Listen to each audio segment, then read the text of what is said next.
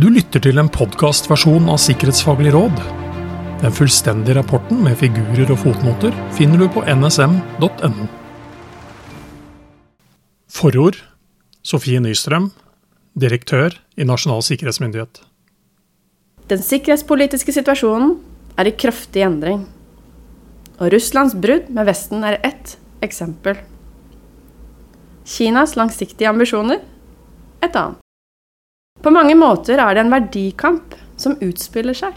Demokratier er under press, og de er utsatt for dynamiske og sammensatte trusler som ligger under terskelen for væpnet konflikt, men som likevel utfordrer oss. Statssikkerheten må ta høyde for mer enn konvensjonelle styrker de neste årene. Og styrkeforholdet vil defineres vel så mye av forsprang innen teknologi, strategiske oppkjøp, eierskap, forsyningslinjer og forskning og utvikling. De som leder an i teknologikappløpet, de får naturlig fortrinn i spørsmål knyttet til nasjonal sikkerhet. Og i Sikkerhetsfaglig råd er vårt utgangspunkt at fremmede staters og trusselaktørers bruk av teknologi kan komme til å utvikle seg raskere enn åpne demokratiers evne til å beskytte seg.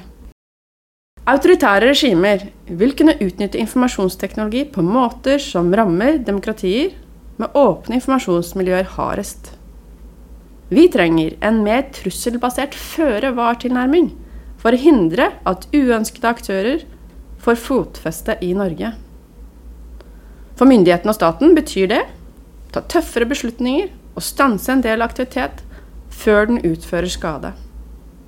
Og dette kommer til og utfordre næringsliv og politiske ledere som må stå i presset mot åpenlyse og fordekte handlinger, lovlige og ulovlige. Myndighetene og virksomheter i hele Norge må stoppe aktiviteter som kan utvikle seg til akutte trusler mot nasjonal sikkerhet.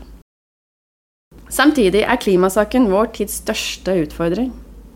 Den er en eksistensiell trussel i seg selv med forventede endringer i levevilkår for svært mange mennesker på jorden.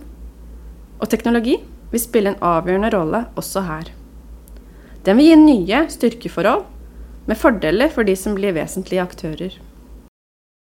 På den annen side øker den sikkerhetsrisikoen for de som ikke henger med i utviklingen av klimateknologi. Og de sikkerhetsfaglige utfordringene de neste årene drives dermed av en rekke flere faktorer enn tidligere. Det skaper et stadig mer komplekst bilde, som vil kreve mer av oss de neste årene enn vi er dimensjonert for i dag. Og gapet mellom trusselaktørenes aktivitet og sikkerhetsarbeidet øker. Norge trenger ambisiøse målsetninger for nasjonal sikkerhet frem mot 2030.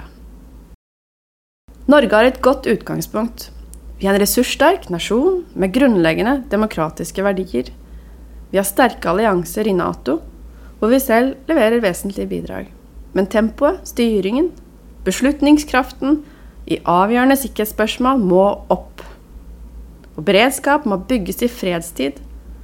Og nå må vi prioritere tiltak som sikrer et motstandsdyktig Norge. Du har lyttet til en podkastversjon av Sikkerhetsfaglig råd. Mitt navn er Roar Thon.